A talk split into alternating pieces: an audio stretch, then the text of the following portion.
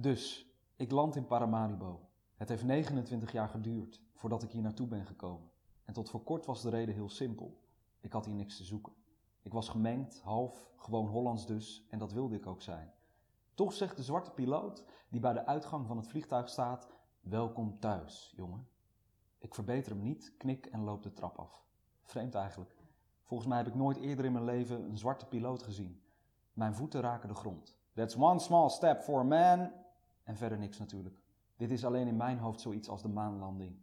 Het is alsof alle geluiden in de hitte zijn gesmolten. Zo stil is het.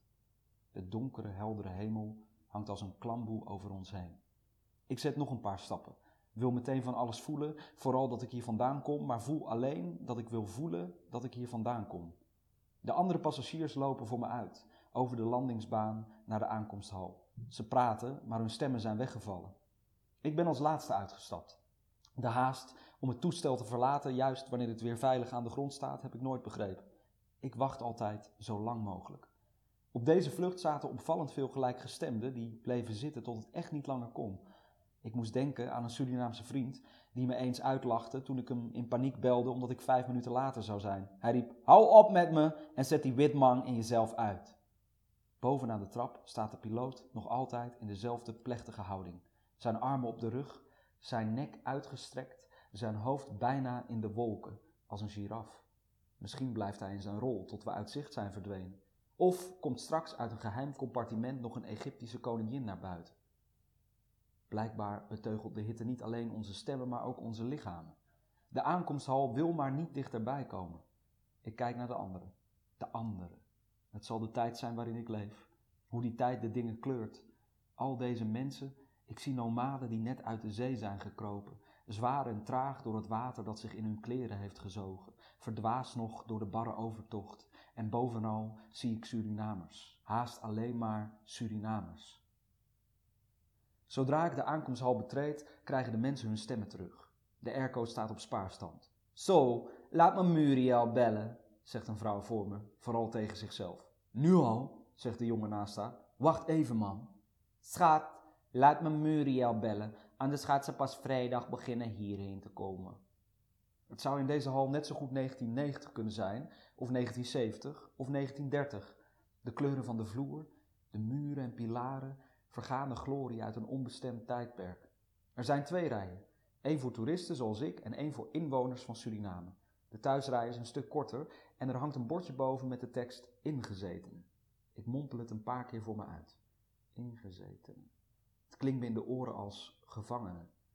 Ook hangt er een bord waarop staat dat je beslist geen lege douane bij je mag hebben. De douanebeambten nemen alle tijd, alsof ze opslag krijgen bij vertraging ze kijken onaangedaan naar de passagiers en bestuderen elk paspoort alsof het een potentieel vuurwapen is. Reden van bezoek? vragen ze. En ook, waar gaat u slapen? Niet, waar verblijft u?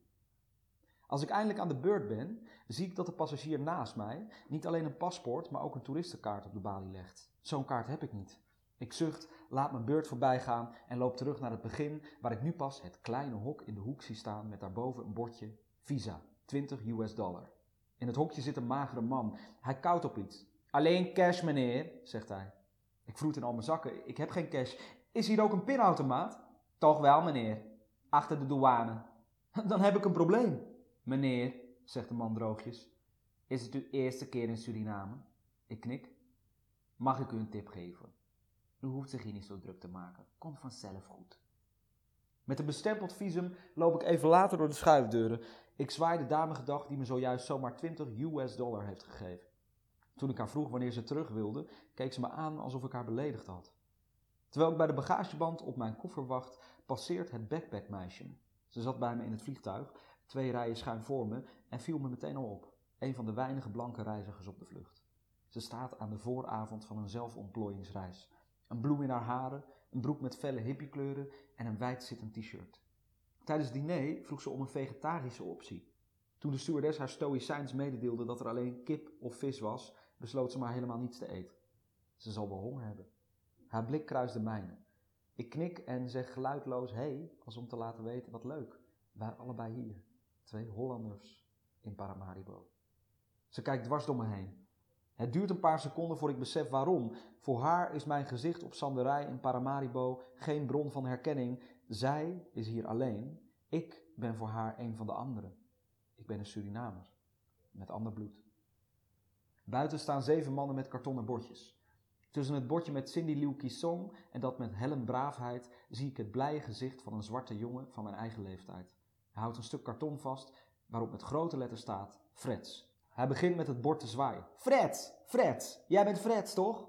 Hij gebaart hevig, alsof ik een lang verloren, gewaande broer van hem ben. Of eigenlijk beweegt hij gewoon zoals ik dat zelf ook zo vaak doe, met armen die een eigen leven leiden. Ik steek mijn hand uit. De jongen kijkt er afkeurend naar, dus draai ik mijn onderarm een kwartslag omhoog. Dat valt beter.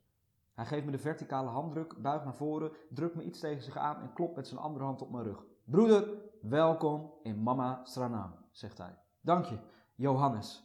Ja, Fred, Johannes Freds. Mijn gunst. Goeie naam hoor, vriend. Die dames gaan zeker denken dat er deze week een bakra komt spreken, dus maak je borst maar nat. Niet zijn opmerking, maar de lach die erop volgt, maakt dat ik ook moet lachen. Clyde, zegt hij, en hij grist mijn koffer vriendelijk uit mijn handen. Kom, de wagen staat daar. Mevrouw Fortron wacht op ons. Je bent met SLM gekomen, toch? Ik knik en volg hem over het parkeerterrein. Hoe was het eten? Prima, zeg ik. Dat dacht ik. Ik vlieg alleen met SLM. Bij KLM krijg je van het Hollandse eten. Pasta en zo. Clyde heeft een litteken op zijn rechterwang, recht als van een korte kras, net iets lichter dan zijn huid. Trouwens, we hebben je overgeplaatst naar Eco Resort. Hotel Torarica is overboekt. Carlos, gebeurt altijd. Geen probleem. Morgen kan je gewoon naar Torarica. Maar Eco is ook prima hoor. Alleen beter ga je morgen wel ontbijten in Torarica. Het is helaas wel een eindje lopen. Hoe ver? Nou, toch al gauw drie minuten. Maar je zult er geen spijt van krijgen. Meer keuze, je weet toch. In een blauw oud Ford-busje brandt licht. Yvette Fortron zit achter het stuur. Terwijl Clyde mijn bagage in de kofferbak legt, opent ze de deur van de bijrijdersstoel. Zo, Freds, welkom. Daar ben je dan. Zodra ik ben ingestapt, slaat ze me amicaal op de schouder. Ze is niet iemand die aan brassa's doet. Ze bezit de nuchtere stoerheid van ons beiden thuis, Holland. Slechts één keer eerder hebben we elkaar ontmoet. In café Tuinfeest op de Nieuwmarkt in Amsterdam. Het gesprek duurde maar een half uur. Ze vertelde honderd uit over Suriname, of zoals zij het noemde, Su, en vroeg of ik mezelf een Surinamer voelde. Ik zei dat ik me nooit iets anders had gevoeld dan een Nederlander. Ze knikte en zei: Ik weet wat je bedoelt. En even later, toen ik uitlegde dat er recent opeens toch een onbedwingbare nieuwsgierigheid was ontstaan naar mijn moederland, zei ze het weer: Ik weet wat je bedoelt. Na een half uur sloeg ze hard op de tafel. Zeg Fred, ik denk dat we het maar moeten doen. Jij komt rond de verkiezingen een optreden geven in Su. Clyde slaat de kofferbak dicht en komt achterin zitten. Yvette start de motor. Ze heeft dezelfde huidskleur als mijn moeder. Donkerbruin, creools, onderweg vermengd. Ik schat haar halverwege de veertig, al kun je aan zwarte mensen nooit precies zien hoe oud ze zijn. Kom op, rijden kreng, roept ze tegen de grommende motor. Het busje trekt rumoerig op.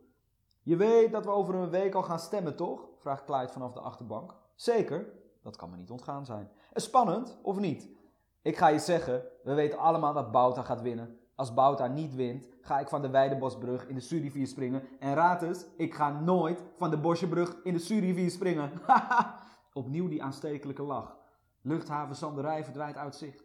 We rijden over landwegen. Ik druk mijn gezicht tegen de ruit. In het donker valt weinig te zien, behalve dan de contouren van iets dat op een oerwoud lijkt. De airco staat op standje Nederland, dus binnen ben ik thuis. En daarbuiten trekt dat vreemde land voorbij, gehuld in duisternis. Het is niet te zeggen hoe lang we over die donkere wegen voortgaan, door niemands land. Uren of minuten, ik weet het niet. Maar op een gegeven moment gloeit er dof licht op in de verte en rijden we stedelijker gebied binnen. Buitenwijker zo te zien. Weinig hoge gebouwen, nauwelijks felle neonreclames. Is dit een voorstad? vraag ik. Clyde en Yvette barsten in lachen uit. Voorstad, zegt Clyde. Hoor hem, jij bent grappig. Voorstad. Dit is geen voorstad, zegt Yvette. Dit is het Freds. Welkom in Paramaribo.